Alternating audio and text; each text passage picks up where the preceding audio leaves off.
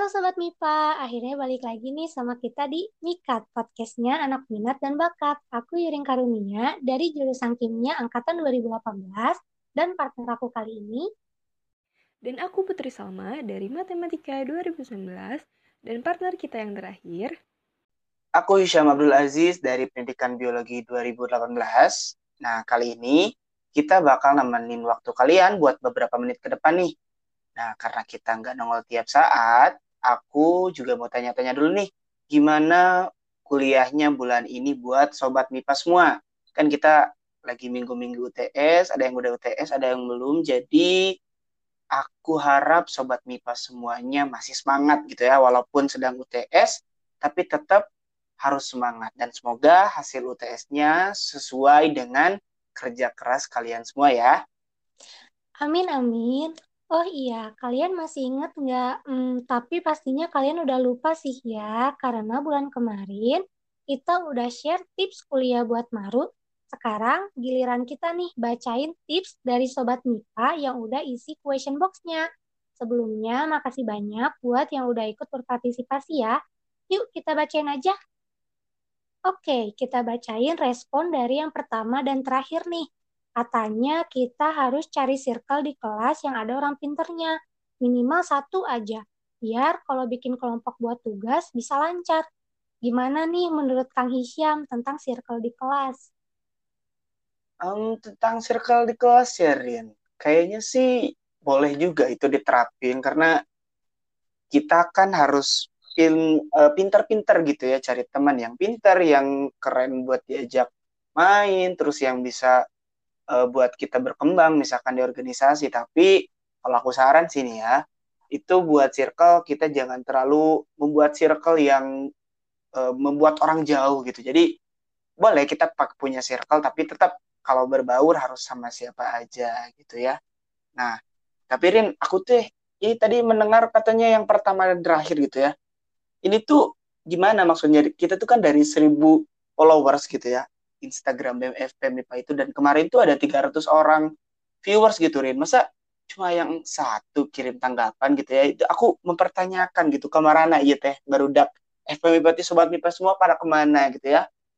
Nah saya tuh semuanya yang udah follow BMFP MIPA juga yang kemarin lihat question box kita bisa berinteraksi. Kita bisa tukar cerita kalian bisa share pendapat sama pengalaman kalian gitu ya. Dan buat yang belum, kalian yang baru pertama kali dengerin podcastnya Mikat ini, jangan lupa buat follow BMF PMIPA gitu ya. Karena sebagai pemuda gitu Rin, kita tuh harus semangat gitu ya. Masa kita sebagai pemuda, sebagai mahasiswa kalah gitu ya sama supporter Persib. Supporter Persib aja selalu semangat gitu, apalagi kalau misalkan Persibnya kalah, mereka semangat buat demo gitu, buat kembaliin semangatnya pemain Persib gitu. Itu juga harus kita terapin gitu sebagai pemuda. Ya nggak, Rit? Iya nih, pemuda-pemudi zaman dulu aja semangat banget buat merjuangin kemerdekaan bangsa Indonesia dari penjajah loh. Mm-mm, bener banget gitu, Rin. Ngomongin pemuda, apalagi kan sekarang bulan Oktober nih ya. Bulan Oktober itu pasti identik dengan bulannya Sumpah Pemuda gitu ya. Nanti kita akan memperingati pada tanggal 28 gitu, Rin. Jadi, aku juga pengen ngecek semangat sobat MIPA semua karena di bulan Oktober ini kita harus mewarisi semangatnya Sumpah Pemuda gitu, Ri. Wah, kalau gitu kayaknya kita harus ngobrolin tentang semangat Sumpah Pemuda deh kayaknya Kang Isya. Hmm, bener banget Rin. Jadi buat podcast kali ini bahasan kita bakal ngobrolin tentang Sumpah Pemuda Rin. Nah, kira-kira Sobat MIPA pasti udah nggak asing lagi ya sama Sumpah Pemuda ini? Iya dong, bukan cuma sobat MIPA, aku aja pasti gak asing dengar kata Sumpah Pemuda karena kita belajar dari kecil gitu dari SD, dari SMP, SMA bahkan e, mungkin sejak kita jadi mahasiswa dengar gitu semangat Sumpah Pemuda itu seperti apa. Gitu, Rit. Tapi aku mau ngetes teman podcaster kita nih. Coba Kang, tolong dijelasin. Apa sih Sumpah Pemuda itu? Siapa yang mendeklarasikannya? Dan di mana ngedeklarasikannya? Waduh, aku ditantang sama Yurin nih. Oke deh, aku coba jawab ya. Nah, jadi Sumpah Pemuda ini, Rin, adalah suatu pergerakan kemerdekaan Republik Indonesia yang dulu itu dilakukan oleh para pemuda-pemudi Indonesia dengan menyatakan janji satu tanah air, satu bangsa, dan satu bahasa. Jadi, Sumpah Pemuda ini, Rin, jadi seperti tekad gitu loh dan semang, uh, dan juga semangat para pemuda-pemudi Indonesia untuk menegakkan kemerdekaan bangsa Indonesia dari jajahan negara asing dan salah satu tokohnya itu adalah Muhammad Yamin gitu Rin.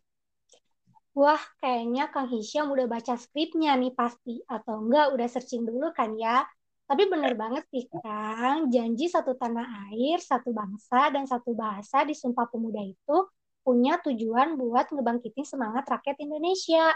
Khususnya para anak muda buat menegaskan kemerdekaan Indonesia. Nah, tapi Rin, kalau dipikir-pikir ya, kan Indonesia tuh udah merdeka nih kan kita udah nggak dijajah lagi sama negara-negara yang dulu menjajah kita. Tapi aku juga jadi kepikiran, kenapa sih harus memperingati Sumpah Pemuda gitu kan? Kita juga udah nggak dijajah, terus nggak harus memperjuangkan kemerdekaan Indonesia lagi gitu. Kenapa sih masih harus diperingatin gitu, Rin? Selain buat menghargai jasa para pemuda waktu itu, Sumpah Pemuda ini juga diperingatin buat ngebangkitin semangat kita untuk nerusin perjuangan pemuda-pemudi sebelumnya dalam meraih tujuan bangsa. Karena walaupun kita ini udah merdeka, tapi apakah tujuan bangsa kita ini udah tercapai? Jujur aja ya Kang, kalau menurut aku pribadi, tujuan bangsa kita ini belum sepenuhnya tercapai.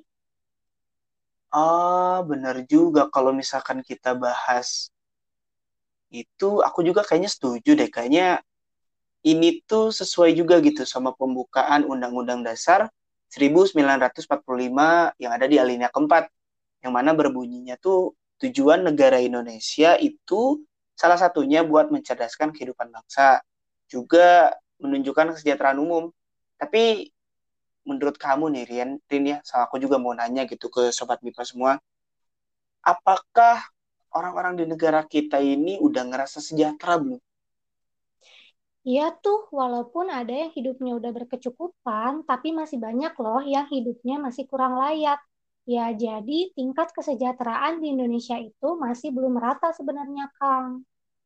Um, benar juga ya, kadang kita selalu lihat berita gitu ya, masih banyak anak-anak yang tidak menerima infrastruktur sekolah secara bagus gitu ya, ada perbedaan di pusat kota sama di pinggiran kota gitu ya atau di desa. Kebetulan aku juga pernah pengabdian dan itu kerasa banget gitu. Fasilitas-fasilitasnya itu masih kurang. Walaupun Indonesia udah gak dijajah gitu ya tapi ternyata masih banyak banget gitu hal-hal yang lainnya yang perlu kita perjuangin gitu Rin. Nah jadi kayaknya make sense sih kenapa Sumpah Pemuda ini diperingatin tiap tahun gitu biar semangat yang ada di janjinya itu yang waktu itu dideklarasikan para pemuda Indonesia waktu kemerdekaan bisa jadi contoh bagi generasi muda masa kini. Jadi kayak buat ngambil langkah juga ngelakuin sesuatu bagi bangsa Indonesia gitu. Wah, iya juga. Masih banyak nih yang harus diperjuangin sama kita sekarang. Kayak misalnya kita harus berjuang buat kemajuan bangsa, biar Indonesia nggak ketinggalan terus sama negara lain. Terus, kamu ada saran nggak hal apa yang bisa kita lakuin buat ikut menjuangin kemajuan negara kita tercinta ini. Oh, pasti ada dong, Rin. Kan kita sebagai mahasiswa nih. Kalau ibaratkan kan kita tuh udah SD, SMP, SMA, terus kuliah di universitas, kita salah satunya akan menjadi ujung tombak negara kita, Rin. Nah, sebagai mahasiswa, kita bisa membuat sesuatu untuk memajukan bangsa kita nih. Contohnya, kita bisa bikin karya dan juga prestasi Rin. Nah, kayak kakak-kakak narasumber kita yang udah kita undang pada hari ini. Emangnya kita sekarang kedatangan narasumber ya, Kang? Ih, datang dong, Rin. Kemarin kan kita udah briefing, kita bakal kedatangan narasumber gitu. Emang siapa sih, Kang, narasumber kita sekarang? Ini loh, kamu masa nggak tahu? Kemarin ada loh pengumumannya kita kedatangan kakak-kakak yang kemarin lolos PIMNAS ketika mengajukan PKM-nya gitu dan juga buat menambah keseruan ngobrol kita kali ini kita ada perwakilan juga dari bidang akademik dan profesi BEM FPMIPA UPIRIN. Wah, hebat banget nih Kang, kita bisa undang mereka. Iya, bener banget. Kita kenalan dulu yuk sama kakak-kakak berprestasi dan yang keren-keren ini. Hayu, hayu. Oke Rin, tadi kan kita udah ngobrolin nih, katanya kita mau kedatangan narasumber dan kakak-kakak yang berprestasi gitu ya. Nah sekarang kita akan kenalan dulu sama kakak-kakak calon pemenang, amin ya, calon pemenang dari PIMNAS 2021. Nah, oke, okay. buat kakak-kakak semua, boleh dong kenalan dulu biar semua sobat MIPA yang ngedengerin tahu nih kita lagi ngobrol sama siapa. Boleh nanti kenalannya sebutin nama, jurusan, sama angkatan berapa.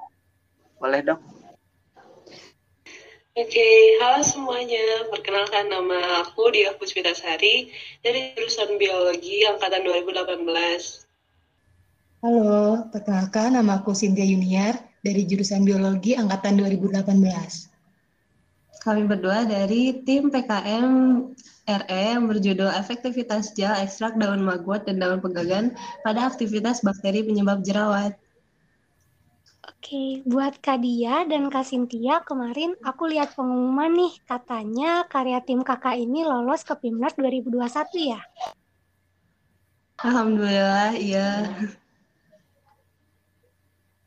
Alhamdulillah banget nih. Jadi kemarin tuh kita bisa tahu itu dari IGBM FPMIPA Kak Dia, Kak Sintia, karena sebagai apresiasi kita kan buat prestasi yang tim kalian capai. Jadi ada pengumuman tuh makanya kita penasaran wah kayaknya seru nih waktu momen Sumpah Pemuda gini kita bahas mengenai prestasi-prestasi khususnya ada prestasi tingkat nasional yang keren banget gitu ya. Nah, uh, kita lanjut nanya-nanya buat tamu kita hari ini ya. Kayak, oke, yang pertama buat kakak-kakak nih, gimana sih perasaan Kak Dia sama Kak Sintia udah bisa lolos ke PIMNAS 2021? Sekarang kan buat dari biologi gitu ya mungkin ini setelah sekian lama ada yang lolos PIMNAS 2021 gitu ya. Ada suka sama dukanya nggak sih selama ikut kegiatan PKM ini? Pastinya uh, kita nggak nyangka banget ya bisa lolos sampai tahap PIMNAS. Karena awalnya juga kita belum pernah uh, lomba seperti PKM ini dan awal itu coba-coba. Apalagi banyak nih selama proses dari pembuatan proposal hingga penelitiannya apalagi sebelumnya juga uh, karena karena masih pandemi jadi mau penelitian juga untuk nggak ditutup lagi gitu